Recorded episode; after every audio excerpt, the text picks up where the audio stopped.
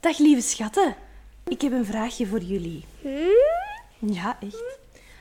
Wanneer zijn jullie blij? Waar word je blij van? Ik heb een nieuw springtouw gekregen. Oh, daar word je wel blij van. En ik ben met een fietsje. Met het fietsen, daar word je blij van. Ja. Zeg, en waar word je boos van? Eh, en van de Annette twee duizend pijn heeft gedaan. Oei, als iemand jou pijn doet, word je daar boos van dan? Ja. Zeg, en waar worden jullie bang van?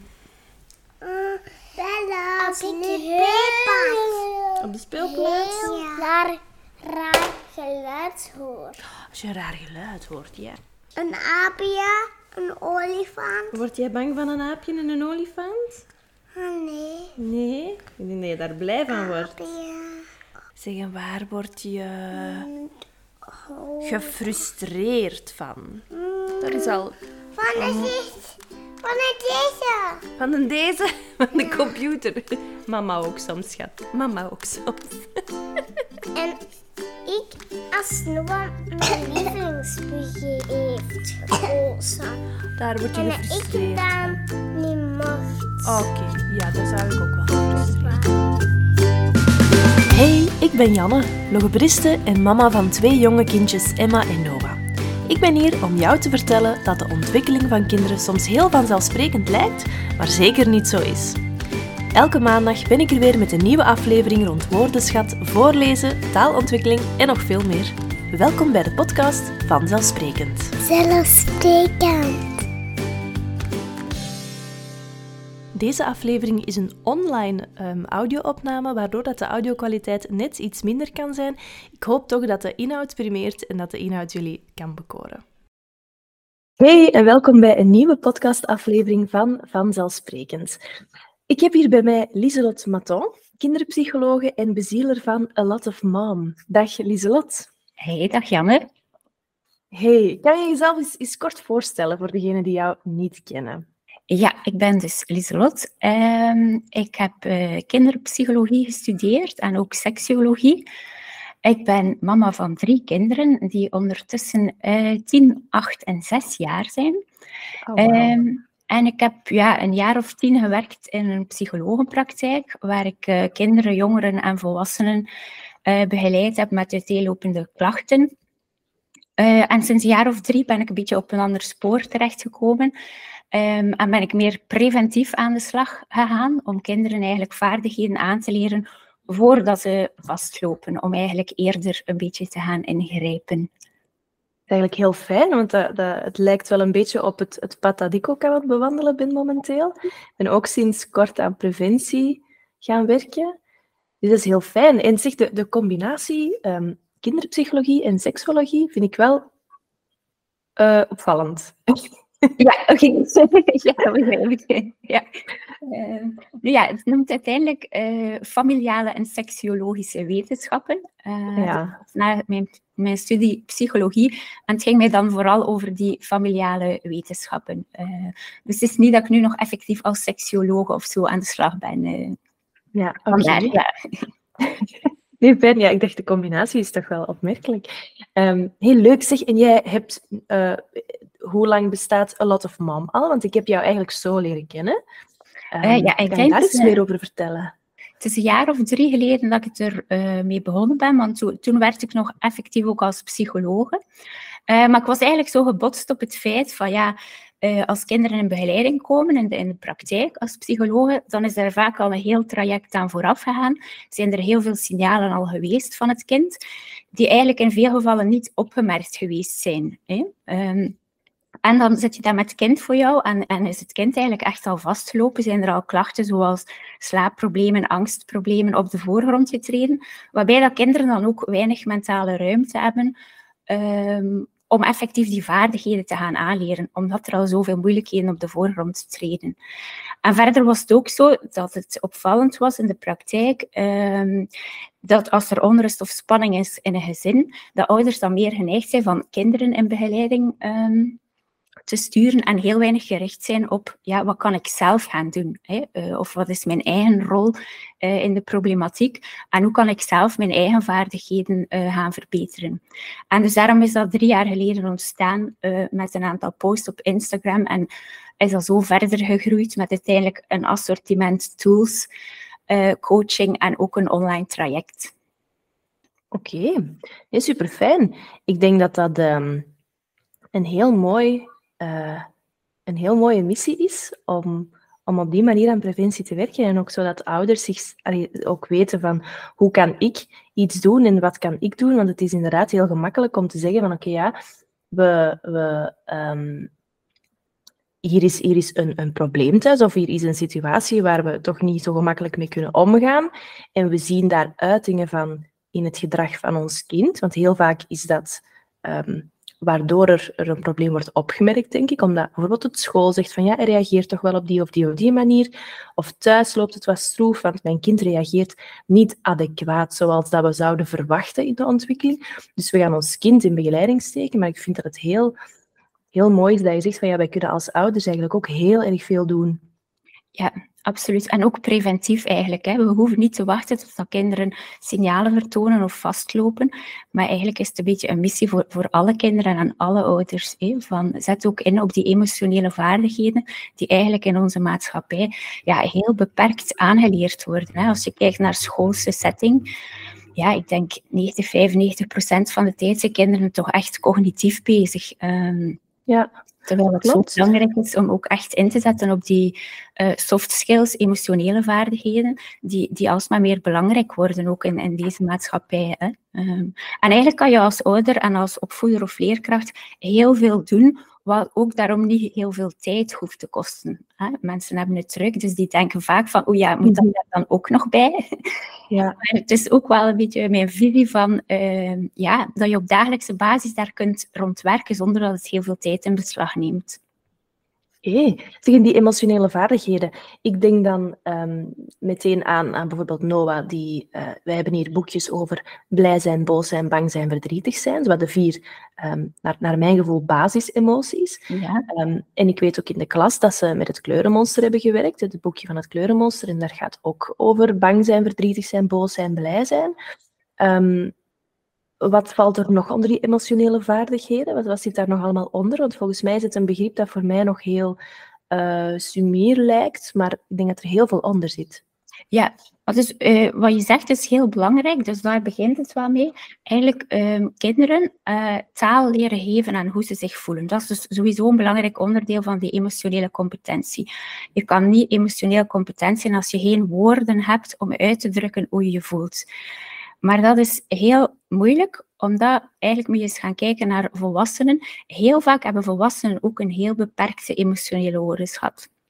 Als je aan volwassenen vraagt hoe ze zich voelen, dan komt er ook heel vaak niet veel meer dan de basisemoties. Hoe erg dat, dat ook is. Hè? Dus wij vinden het zelf als ouder ook, of leerkracht ook heel moeilijk om echt te gaan benoemen, ja, ik voel mij niet goed, ja, wat, scheelt er eigenlijk? Hoe kan ik daar taal aan geven aan hoe dat ik me voel? En daarom is het heel belangrijk dat we niet blijven hangen bij die basisemoties, maar dat je ook vroeg genoeg een ruimere woordenschat gaat aanbieden ik ben niet boos, maar eigenlijk voel ik mij jaloers, want er kan zoveel onder zitten onder die boosheid. Hè. Ik ben niet boos, maar ik ben gefrustreerd, want het lukt mij iets niet.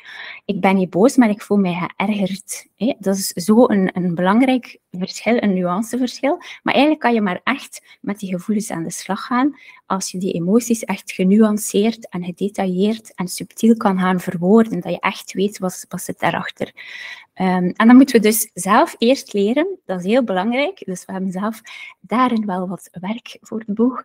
We moeten het zelf beter doen om het zo ook um, aan onze kinderen kunnen uh, doorgeven. Dus ook vanaf kleuterleeftijd mag je al meer aanbieden dan blij, bang, boos en verdrietig. Ja, ik vind het wel heel fijn dat je ook zegt van ik voel mij niet boos, maar ik voel mij gefrustreerd, want die, die frustratie zit dan onder boosheid. Dus ik, ik, ik hoor nu van die vier basisemoties zijn er. Er zullen er misschien nog een aantal daarnaast bestaan, maar daaronder zit een heel, een heel spectrum nog van boos zijn of van blij zijn. Ik denk dan bij blij zijn aan enthousiast zijn, vrolijk zijn, uh, trots zijn. Dus die zaken. Ja. Um, en dan boos is dan meer, hè, wat, je zegt, jaloers, gefrustreerd, geërgerd, uh, zo. Um, ik vind het fijn dat daar een, dat daar een soort van houvast aan is. Een beetje een, een kapstok met allerlei andere woorden onder. Ja, absoluut. Um, en ik denk dan vanuit talig vlak van ja, hè, kindjes die leren in het begin in, inderdaad de, de gemakkelijke, uh, het zijn er ook korte woordjes, hè, de, de, de gemakkelijke emoties of, um, ja, of toch iets gemakkelijker te verwoorden, de, de, de basis. En dan daarna kunnen ze daar weer verder mee gaan. Um, hoe, hoe pak jij dat aan? Ja, um, het is dus belangrijk van dat je sowieso zelf een ruimere woordenschat hebt. Als je zelf over die ruimere woordenschat beschikt, eh, dan ga je die ook gemakkelijker doorgeven aan je kinderen. Als je zelf alleen maar zegt, mama is blij, boos, bang, verdrietig, ja, dan leren ze het natuurlijk ook zelf niet. Dus dat is een eerste punt van werk zelf aan je eigen emotionele woordenschat. Probeer dat ook zelf te oefenen en probeer die ook zelf te gaan uitbreiden. En eh, niet alleen om het door te geven aan je kinderen, maar ook om jezelf beter te voelen. Je kan pas emoties gaan verwerken als je ze goed kan benoemen. Ja je kan ook geen probleem oplossen als je niet weet wat het probleem is. Dus het is heel belangrijk dat je die taal hebt om die emoties te gaan benoemen. Dus daar begint het bij, eigenlijk bij jezelf. Wat vaak zo is mhm. bij opvoeden natuurlijk. het begint bij jezelf. We willen dat niet altijd zo inzien, maar het begint bij jezelf. Dus eerst zelf ook wel wat oefenen. En dan die ruimere woordenschat gaan aanbieden aan je kinderen. Ah, we hebben daar eh, emotietools voor, waarin dat uh, gemakkelijk is. Het zijn een dertigtal emoties. Je hebt er natuurlijk ook nog heel veel andere. Ah, maar het is al een hele goede uitbreiding naar andere emoties, zoals jaloers en gefrustreerd en zenuwachtig enzovoort. Um, en dan kan je eigenlijk, ja, zoals je een beetje de maaltafels oefent, echt met kinderen gaan oefenen. Dus dat hoeft niet lang te duren, maar je moet er wel dagelijks ja, een momentje voor nemen om stil te staan bij hoe was je dag, maar niet alleen wat heb jij gedaan, waar dat we het vaak over hebben, hè, wat heb jij gedaan vandaag. Ja, ja. Maar ook zo belangrijk, hoe heb jij je gevoeld vandaag? En ik denk dat nog heel weinig mensen dat op dagelijkse basis vragen aan hun kinderen. Klopt, want ik vraag dat ook eigenlijk alleen maar zelf als, als ze boos zijn of verdrietig zijn. En dan probeer ik zo wat ik probeer het niet direct te vragen, maar ik probeer te observeren en dan zeg ik van, oh, jij, jij huilt. Ik zie dat jij verdrietig bent. Klopt dat? Ja. Is dat een goede manier om zelf de emotie te benoemen? Of is het eerder van vragen van, wat voel jij? Hangt ook een beetje af van de taalleeftijd, denk ik. Hè? Ja, het is heel goed dat je, dat je erbij zegt, klopt dat? Dus je mag wel een, een gevoel benoemen, maar altijd eigenlijk een beetje als een detectieve, een, een speurneus. Ja. Ja, uh, dus zeker belangrijk is om af te toetsen, klopt dat wel? Dus aangezien dat je dat zinnetje erbij zet, is het prima. Maar in het algemeen gaan we eigenlijk te snel de emoties voor hen gaan benoemen. We zeggen dan, jij bent weer al boos. En wij plakken er al mhm. de term op boos. Maar misschien is het kind niet boos, maar is het jaloers omdat er een broertje of zusje geboren is. Ja? Dus dan ja, kleven wij, labelen we het al als boos wat voor een kind dan eigenlijk, ja, dan moet je al de vaardigheid hebben om te zeggen, nee, ik voel mij niet boos, ik voel mij zo. Dus eigenlijk moet je meer met een open houding tegemoet treden en aftasten, aftoetsen van, ja, hoe voelt het echt voor het kind? Ja? Dus dan is een open vraag van, hoe heb jij je gevoeld vandaag? Uh, beter. En dan kunnen kinderen, ja, ofwel als ze de taal al hebben, antwoorden, of in een kaartenset op zoek gaan naar wat, is, wat past eigenlijk bij mijn gevoel van de dag of welke gevoelens heb ik ervaren. Um, en zo kan je eigenlijk ja, een gesprek starten met je kind en kom je ook meer te weten, ja, wat, wat leeft er eigenlijk met mijn kind? Want ja, die zit heel dag op school, je ziet die dan maar s'avonds, maar zo heb je wel wat info van oké, en zo leren ze ook eigenlijk um, die emoties gaan benoemen zo. Ja, ik denk dat dat ook uh, heel belangrijk is om te vermelden vanuit mijn, mijn standpunt, vanuit logopedisch vlak, is dat kinderen pas vanaf de leeftijd van drie à vier kunnen nadenken over wat gebeurt er buiten het hier en nu. Want in het begin is het inderdaad thuis. En als je dan, als je dan thuis op het moment zelf aan die emotie kan um, een, een, een, woord geven, een emotie kan benoemen, um, is dat heel belangrijk van dat thuis effectief te doen. Maar ik denk ook als kindjes op school zitten, in de instapklas bijvoorbeeld, Nova, die kan nu ook nog niet echt zeggen wat hij heeft gedaan vandaag. Die weet dat gewoon niet meer, want het is niet hier en nu. Dat is buiten het hier en nu. Dat is heel moeilijk voor hem om te benoemen of om daar taal aan te geven. Dus ik denk inderdaad, als kindjes drie à vier zijn, dat ze dat wel gaan kunnen beginnen benoemen, maar daarvoor dat het dan belangrijk is om het, om het thuis te gaan um, ja, absoluut. benoemen op het moment zelf. Zeg je, je spreekt over een kaartenset. Um, ik heb zelf van jou de emotieposter. Ja, die hangt uh, in mijn praktijk. En, uh, en die is heel, heel tof. We hebben allemaal um, gezichtjes met emoties op. Uh, zijn dat die, die 30 emoties waar je over ja, dat is dus wel geteld. Ja, het zijn er 30. ja, want ik denk zelf, als ik, als ik ze lees, dan herken ik ze allemaal. Maar ik denk als je mij nu de opdracht zou geven, van nu op dit moment 30 emoties op te schrijven, dat dat heel moeilijk zou zijn. Ja. Ik zou daar over moeten nadenken. Ja, dus als volwassenen vind ik het ook echt heel, heel moeilijk om uh, ja, te zeggen hoe we ons voelen. We hebben heel veel taal om over andere dingen te praten, maar vragen aan een volwassene, hoe voel je vandaag? Ja, vaak zeggen we automatisch goed, omdat dat cultureel hier zo ja. bepaald is, van goed. Ja. Uh, maar dus we vinden het zelf heel moeilijk. Uh, dus ja, ik begrijp dat je zegt van, ik herken ze wel, maar moest ik echt moeten verschillende emoties opnoemen, dat je toch ook zelf als volwassene uh, al een keer uh, goed moet nadenken of dat toch niet zo uh, eenvoudig is als het lijkt eigenlijk. Ja, ja. Klopt. Tegen, um, de, de, dus de emotieposter zit, zit heel mooi in elkaar. Het is heel fijn om, om te gebruiken. Ik gebruik hem ook echt veel op de praktijk. Nu hier thuis, hier thuis eigenlijk niet.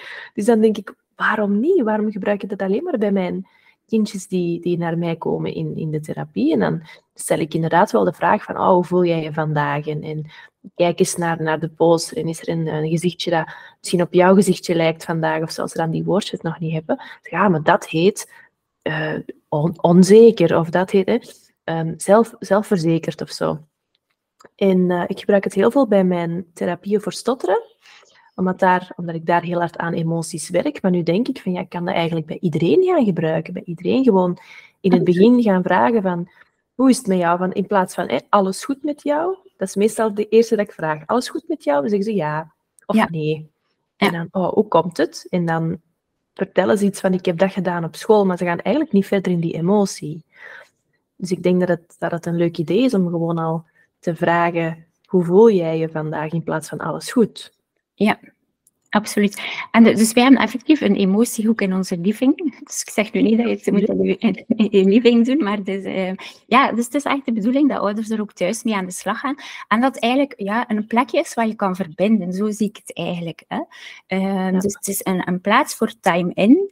Dus in plaats van time-out, dat je kinderen afzondert als er iets is, ga je echt met kinderen aan de slag van, kijk, als jij het moeilijk hebt, wil ik weten wat er in jou omgaat. Ja? Ik ben daar nieuwsgierig naar, ik wil jou helpen, ik wil nabij zijn.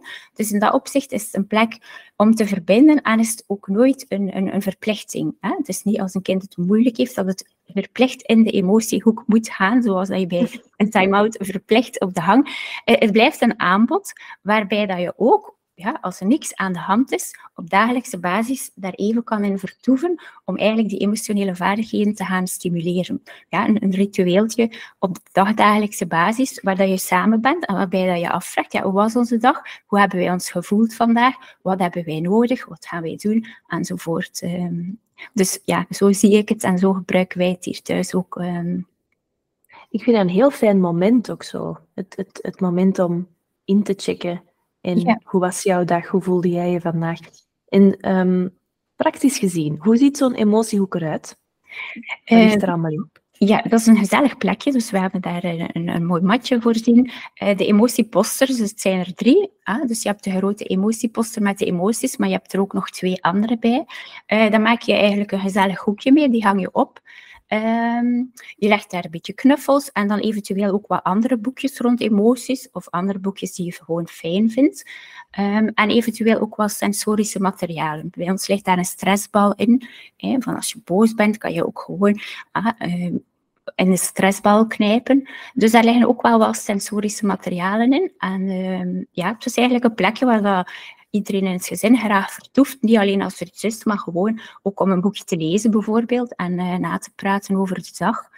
Um, en als er dan echt een, een crisissituatie is, als we het dan hebben over het driftbui bij kinderen. Uh, mijn kinderen zijn nu wel al iets groter, maar toen ze dus ja, een aantal jaren geleden in de emotiehoek, helpt het ook heel sterk van als kinderen het moeilijk hebben, als ze een driftbui hebben, om die emoties te gaan aanwijzen in plaats van te gaan benoemen. Dus dat is ook belangrijk. Ja, want heel vaak als um, mijn dochter bijvoorbeeld, Emma, die is nu vier, als die in, in een hele uh, hevige emotie zit, die is bijvoorbeeld gefrustreerd omdat er iets niet gelukt is, dan uh, zie je dat ze ook niet meer adequaat reageert qua taalvaardigheid. Want zij kan heel, hele mooie zinnen maken. Zij is, een heel pintere uh, meid en die kan heel mooi verhalen vertellen en, haar emoties ook wel verwoorden. Maar als zij zo in die hevige emotie zit, dan is het precies haar, haar, haar taalstukje is, is helemaal in, in overdrive en het lukt niet meer om iets om, om er een zin uit te krijgen. Dus dan is het heel fijn, denk ik, dat kindjes het ook kunnen aanwijzen en ook mogen aanwijzen. Hè? Want we denken vaak van, ja, maar vertel het, gebruik jouw woordjes, vertel wat er is. Maar soms lukt dat echt niet. Ja, het is zo, als een kind een driftbui heeft, dat leg ik altijd heel goed uit aan ouders. Als een kind een driftbui heeft, kan het niet antwoorden. Ja? Wij verwachten dan dat ze vertellen hoe ze zich voelen. Het kan niet. Dus dat is al een heel andere insteek.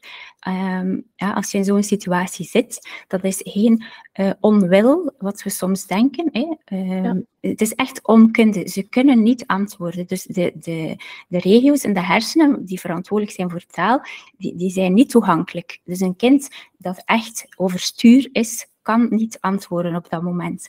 En eigenlijk doen wij als ouder juist het omgekeerde van wat wenselijk is. Ik ga het proberen uit te leggen, maar het is, eh, kinderen gaan gedurende de dag heel vaak signaaltjes geven als er iets is. En we zijn er eigenlijk als opvoeder of ouder een beetje op gericht van die emoties te gaan onderdrukken. We hebben dat zo zelf gezien.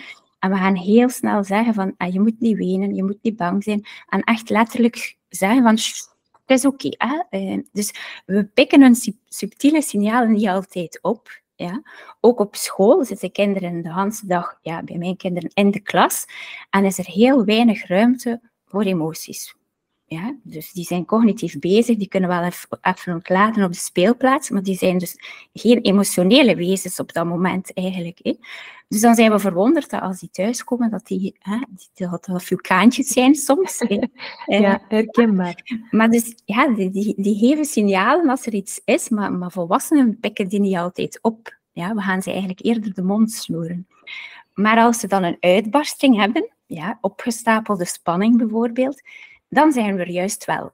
Maar we vinden, ja, dat gedrag kan hier niet door de beugel. Hè. Dat is ook vervelend en het is ook lastig. Want hè, je komt van je werk en dan moet je dat er nog bij doen. Dus dat is ook echt lastig. Hè. En dan willen we dat eigenlijk zo rap mogelijk dat, dat gedrag in de kiem smoren en doen overgaan. Ja? En dan gaan wij juist veel taal gaan verwachten. We zeggen dan, ik wil weten wat er scheelt en zo kan je niet reageren. En dan moet het komen. Maar het kind kan dan niet meer vertellen wat er aan de hand is. Dit is echt, dit is echt ons leven, hè? Ja. Ik ben heel hard aan het, aan het luisteren. Doe maar verder. Ja, dus eigenlijk doen we het omgekeerde van wat we uh, omtrent emoties dan, omtrent emotionele ontwikkeling. We doen het omgekeerde van wat we eigenlijk zouden moeten doen. En dat maakt, ja, kinderen zijn signaaldragers. Hè. Zij, ja, zij, zij geven signalen. Ook ja, door de maatschappij die druk is, zal er ook wel wat heftigheid uh, naar boven komen, omdat zij signalen geven aan ons. Maar wij pikken die niet altijd op.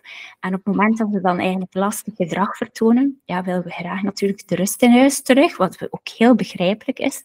Maar dus doen we eigenlijk het omgekeerde. Maar eens dat je dat door hebt en dat je dat kan omdraaien, gaat het ook zoveel makkelijker met kinderen. Heb ik ook zelf met kinderen ervaren. Uh, dus ja, maar dan moet je daar, ja, je moet het weten uh, en je moet er een beetje tijd in investeren, inderdaad, om die vaardigheden aan te leren. Uh, maar het is ook zo belangrijk als we willen dat we later volwassenen hebben die ook op een andere manier in het leven staan.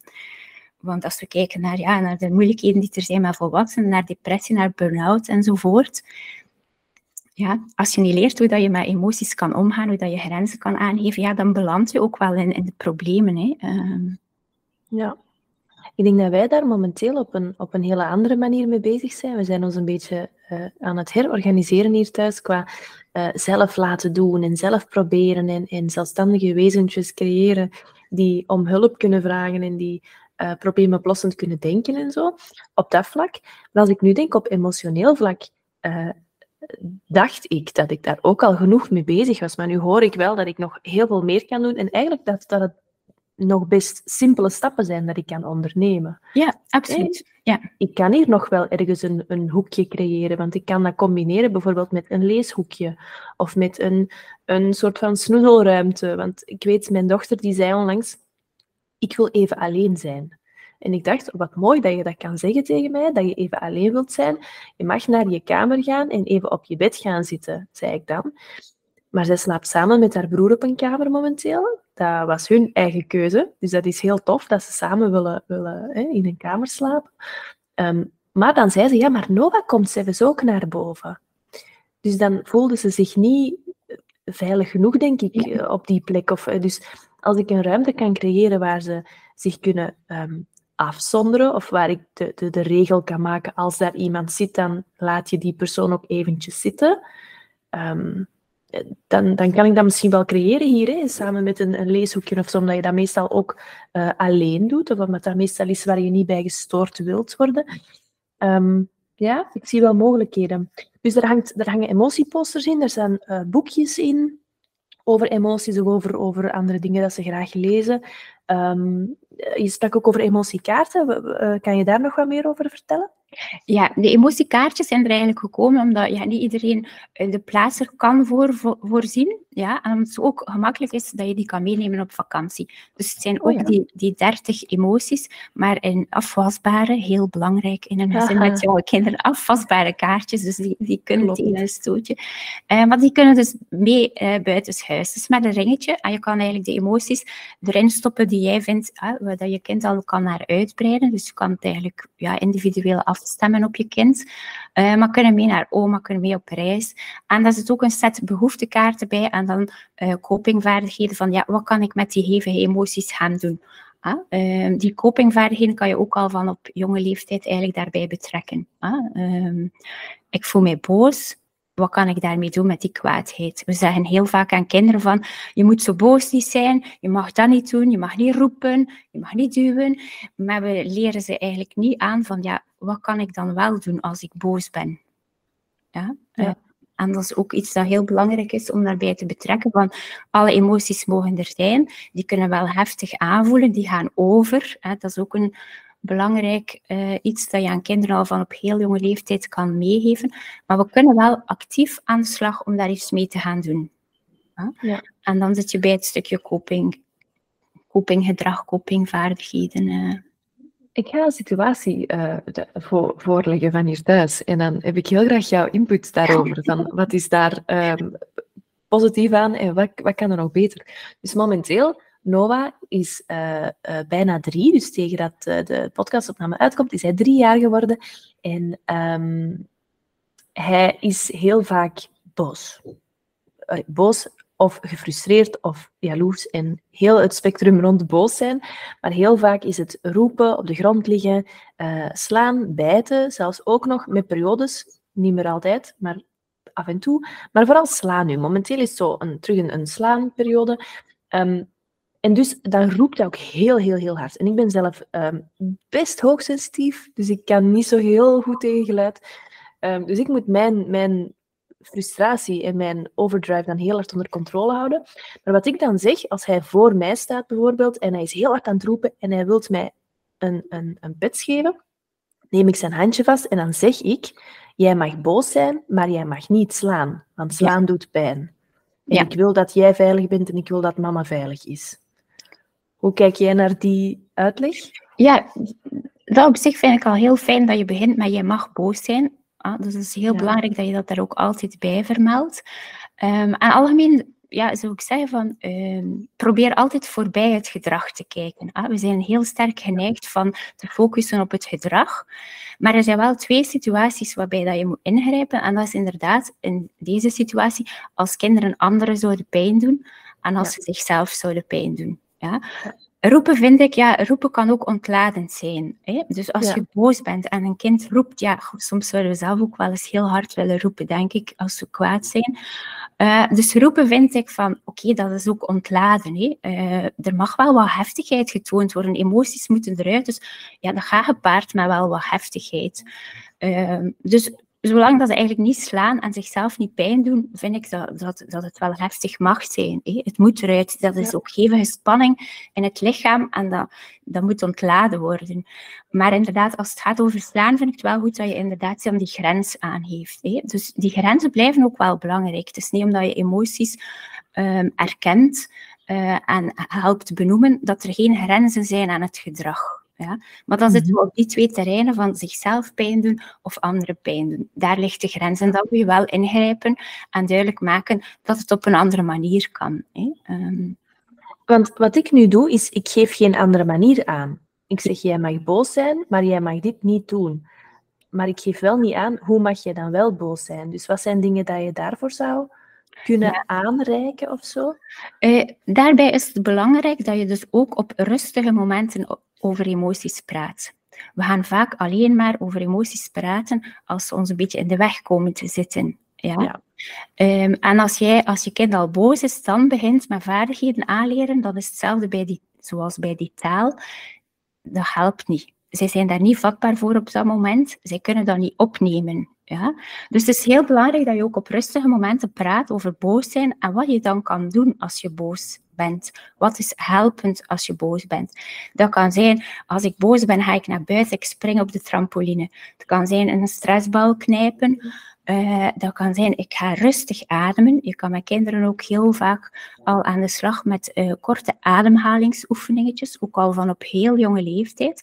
Maar dat zijn echt concrete tools waar kinderen iets aan hebben. En uh, eigenlijk laten we ze in de steek als we gewoon zeggen van, jij mag niet, bo niet boos zijn op die manier. Ja, hoe dan wel? Hè? Dus ja. Uh, dat is heel belangrijk dat je ook oefent met wat kunnen we doen met onze kwaadheid. Is dat een boze tekening maken? Maar je moet dat wel aanleren eigenlijk op meer rustige momenten. Die vaardigheden leer je aan doorheen de dag op rustige momenten. Uh, ja, tussendoor zodanig dat kinderen ja, dat op de duur ook wel zelf meer bekwaam gaan zijn om dat toe te passen. Dat lukt niet altijd, dat loopt niet perfect, maar je moet wel die, die tools aanreiken, zodanig dat ze weten, ja, wat kan ik dan wel doen? Wat is een alternatief voor slaan? Ik voel me niet goed, ik ben boos. Ja, dat voelt voor een kind ook heel overweldigend en soms zelf ook beangstigend voor kleine kinderen, hè, die hevige emoties. Dus altijd proberen ook ja, je te verplaatsen eigenlijk in de leefwereld van je kind. Um, en die vaardigheden ja, te stimuleren zodanig dat ze leren van wat kan ik dan wel gaan doen bij al die heftige emoties. Um, ja, ja het, is inderdaad, tonen, hè. Ja, het is inderdaad zo dat wij dat zelf nu alleen maar um, aanreiken op de momenten dat er heel veel boosheid is. En dan, dan dat werkt niet. Hè. Dus ik denk dat het een hele, hele fijne tip is van op, uh, op rustige momenten te bespreken wat ik soms ook doe, maar ik weet niet of dat een goede oplossing is, is als, als Noah bijvoorbeeld een, een bijtperiode had, dan zei ik, als jij wil bijten, mag jij niet in mama bijten, maar ik geef jou een doek om in te bijten. Is dat een goede manier of zou je zeggen van ja, je mag niet bijten, punt? Nee, sommige kinderen hebben een bepaalde koubehoefte. Hè? Dus je mag daaraan komen aan die sensorische behoeften. Je hebt bijvoorbeeld ook koukettingen. Hè? Uh, dat zijn, is sensorisch materiaal waarbij dat kinderen uh, ja, die behoefte aan bijten op die manier, op een andere manier kunnen... Uh, uh, kunnen bevredigen eigenlijk. Dus, oh, ja, dus je, het is zeker goed dat je een alternatief geeft. Hè. Je hoeft het daarom niet uh, af te nemen. Wat ook belangrijk is, en dat doen we ook heel weinig, is dus zelf um, het volledige scala aan emoties laten zien als ouder, als opvoeder, um, zodanig dat kinderen dat ook van ons leren. En dat doen we ook niet. Hè. We zijn soms precies een beetje bang van emoties, omdat we het zelf niet zo goed geleerd hebben. We zijn er niet zo vaardig in. En ik denk dat heel veel mensen en ouders nog met de idee zitten dat emoties ons in de weg zitten, terwijl dat eigenlijk juist omgekeerd is. Emoties zijn een kracht en ze willen naar buiten, ze willen uitgedrukt worden en we moeten stoppen met ze massaal te willen onderdrukken, zowel bij volwassenen als bij kinderen. Want als je ze onderdrukt, komen ze vroeg of laat op een andere manier tot uiting. Dan krijg je lichamelijke klachten, dan slaap je niet goed, uh, word je angstig enzovoort. Dus ze willen naar buiten. Dus eigenlijk als je kind hevig emotioneel is, zou je dat moeten omarmen van oké, dat is goed dat hij dat toont. Ah, we gaan wel werken aan de manier waarop. Maar het is ook heel belangrijk en waardevol van als ouder zelf voor te tonen hoe je de dingen doet. Van niet altijd blij te zijn, hè, de vrolijke mama, Nee, mama is ook soms moe, mama is ook soms slechtgezind, uh, mama is zenuwachtig, of papa, of maakt niet uit, hè, of de juf. Uh, maar dus dat kinderen echt het volledige scala aan emoties in een omgeving zien en ook zien dat mensen daarmee om kunnen gaan. Ja? Dat je dus, ik ben zenuwachtig, um, ik ga uh, een bad nemen, ik ga proberen ontspannen of ik ga eens gaan lopen.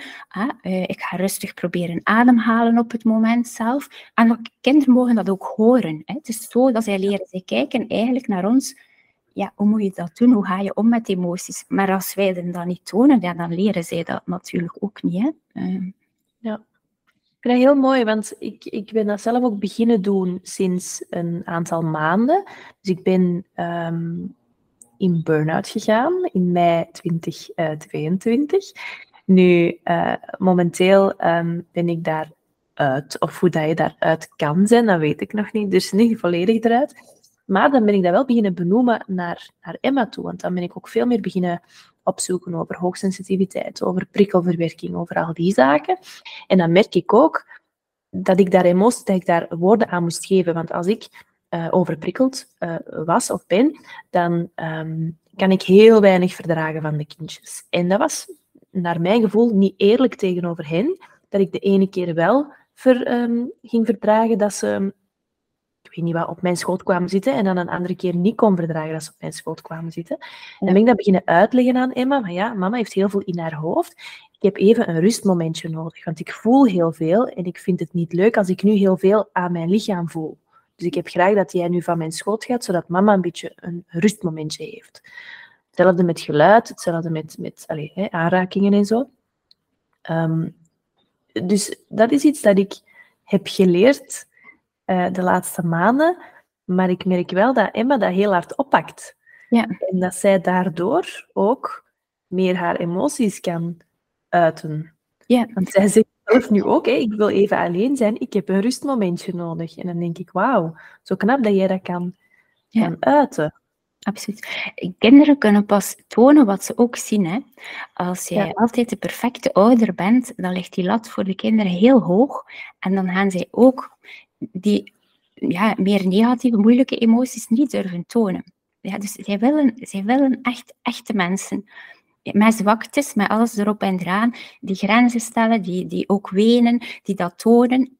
Zij vragen daarom. Dat is echt heel belangrijk dat ze dat zien en dat je dat aan hen toe kan, ja, op, op hun niveau kan aangeven wat er speelt. Want kinderen zijn ook heel egocentrisch.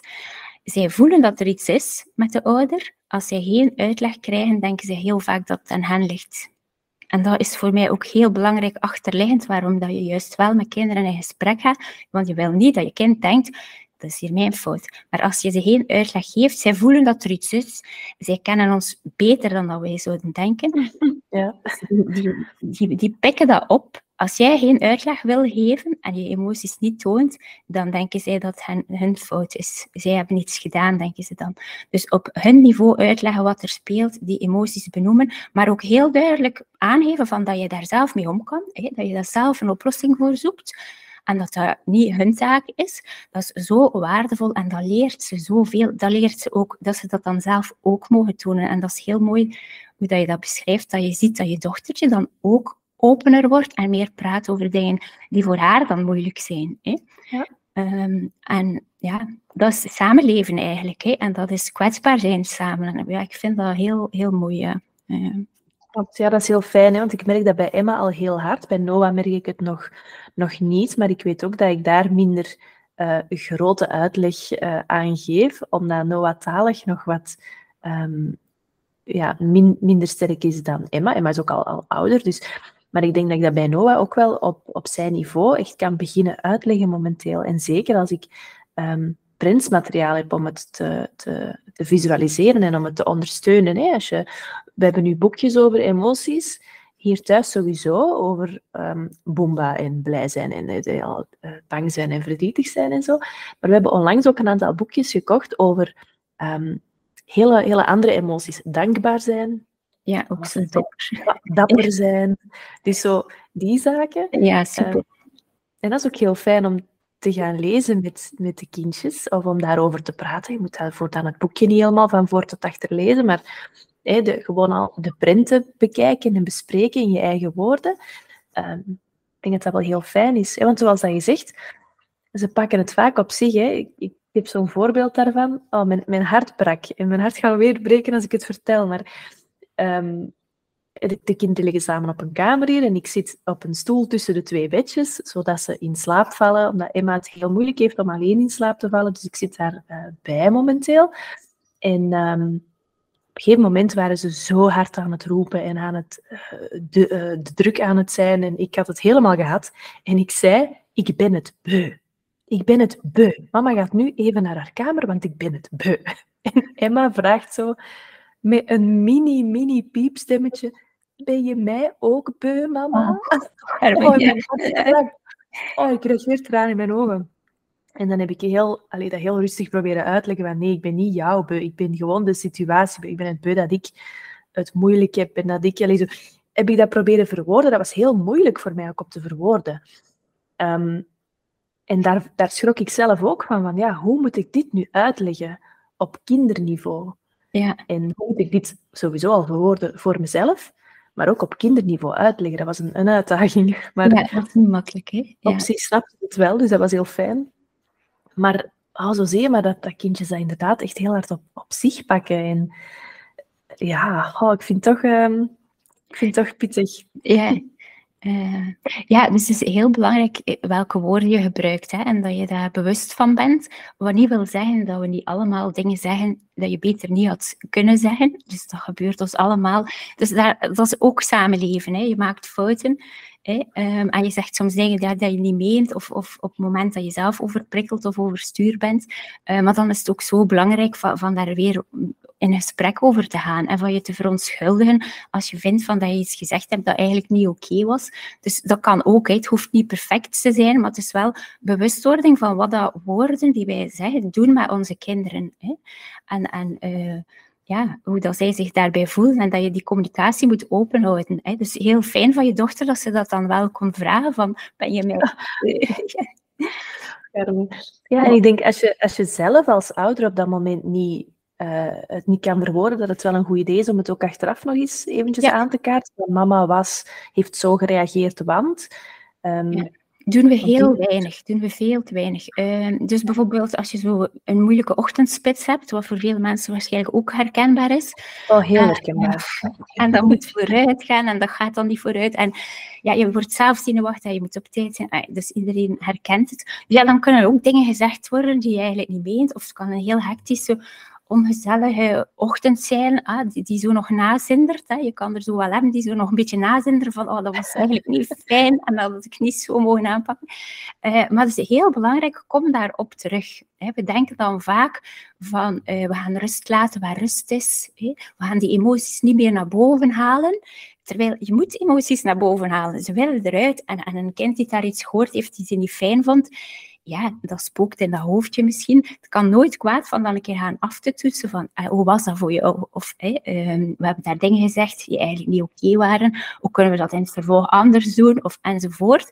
Uh, maar je mag situaties nabespreken, heel graag zelf. Um, ja, dus je kan niet te veel terugkomen op iets. Soms denken we dan van, ja, dan wordt het misschien weer moeilijk voor ons kind, of die wordt dan misschien terug bang of terug boos. Hè? Maar emoties willen eruit. Dus het is juist heel goed dat je dat dan nadien bespreekt uh, en dat je kinderen ook met moeilijke emoties die niet fijn voelen, leert omgaan. En niet alleen over de leuke dingen praat of leuke dingen uh, benoemt ja. enzovoort. Uh.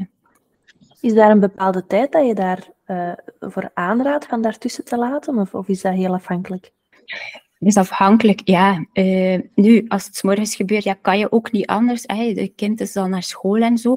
Nu, ik denk dat elk gezin zich dat een beetje voor zichzelf moet uitzoeken.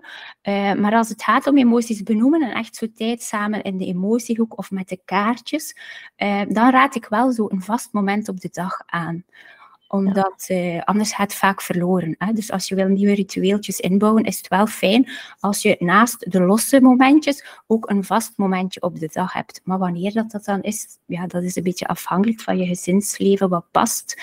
Wat wij bijvoorbeeld doen, is uh, als er een uurtje is voor de kinderen, eh, is dat standaard eh, met de kaartenset. Dus wij eten iets samen, de kaartenset ligt op tafel. En dan uh, is naast de gewone dingen van hey, we hadden turnen en we zijn daar naartoe geweest, of ik heb een toets gehad, ligt ook de kaartenset van hoe, hoe was het vandaag op school, hoe heb je je gevoeld? En dan komen heel vaak dingen naar boven die ik anders nooit zou weten. Van ik hm. was beschaamd, want ik moest een spreekbeurt geven, of ja, er was ruzie met een vriendje. Dat zou er nooit spontaan uitkomen, of toch niet, niet altijd. En dat zijn dan zowel bepaalde vaste ritueeltjes die je kan gemakkelijk in je gezinsleven inpassen. Dat kost niet veel tijd, want je bent toch samen een vier uurtje aan het eten. En het is toch een moment van toch weer een beetje oefenen, zowel met van uh, hoe benoem ik mijn emoties eigenlijk. Het kan even goed s'avonds zijn of voor het slapen gaan. Of, uh, ja. ja, ik denk dat het belangrijk is, zoals dat je zelf ook zegt, van het eventueel te koppelen aan een andere routine. Want zo wordt het veel gemakkelijker om, om een vast momentje um, in te plannen. Want voordat je het weet, is het alweer tijd om te gaan slapen. En dan, oh ja, en we moesten nog onze 15 minuten dit doen of onze 5 minuten dat.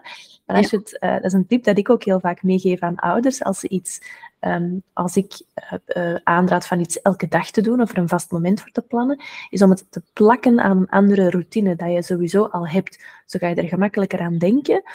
En zo wordt het ook elke dag gedaan. Want kinderen vergeten heus niet hun vier uurtje hoor. Of kinderen vergeten echt wel niet dat ze nog ja, of dit mochten doen. Het verhaaltje ja, of slapen gaan is ook een moment zo. Uh, ja, uh, ja. ja. zeker. dat helpt wel, denk ik. Ja, als je het koppelt aan een andere routine, dan is het vaak gemakkelijker om eraan te denken. Ja. Lieselot, ik vond het een hele, heel fijn gesprek. Ik, uh, ik heb heel veel bijgeleerd zelf. Ah, ja, top. Ja. Fijn, hè? Waar kunnen mensen jou vinden als ze nog meer uh, informatie willen rond emoties, rond verbinding, rond uh, een emotiehoek creëren? Uh, ja, ik heb dus een Instagram-account, dat is A Lot of Mom. Uh, dus daar kunnen mensen sowieso terecht. Daar probeer ik af en toe ook wat posts of reels te delen met een aantal tips en zo. Uh, en dan een website natuurlijk, en dat is www.alotof.mom. Um, ehm, okay. En daar vind je ook alle informatie van een online traject tot coaching, tot de tools. die kan je daar allemaal terugvinden op de website. Heel fijn. We gaan sowieso jouw links, jouw Instagram-pagina en jouw website hieronder linken in de beschrijving van de podcast. En uh, Lieselot, dan wil ik jou heel, heel, heel graag bedanken. Ja, ik hoop dat er... Voor de uitnodiging, ja. Graag gedaan. Ik hoop dat er heel veel mensen de weg naar jou vinden, want ik vind het uh, fantastisch wat je doet en ik vind het ook heel belangrijk wat je doet. Het is een hele mooie missie. Dus uh, ik hoop dat er heel veel mensen um, jou ook gaan volgen en jouw website eens bekijken. Want ik ben ervan overtuigd dat jij de wereld ook weer een stukje mooier maakt met uh, jouw werk. Klein beetje, stapje per stapje. Hè? Dus, uh, voilà. Ja. Zo doen we dat. Merci voor op de podcast te komen. En uh, merci ook om te luisteren aan jou. En tot volgende week. Dag!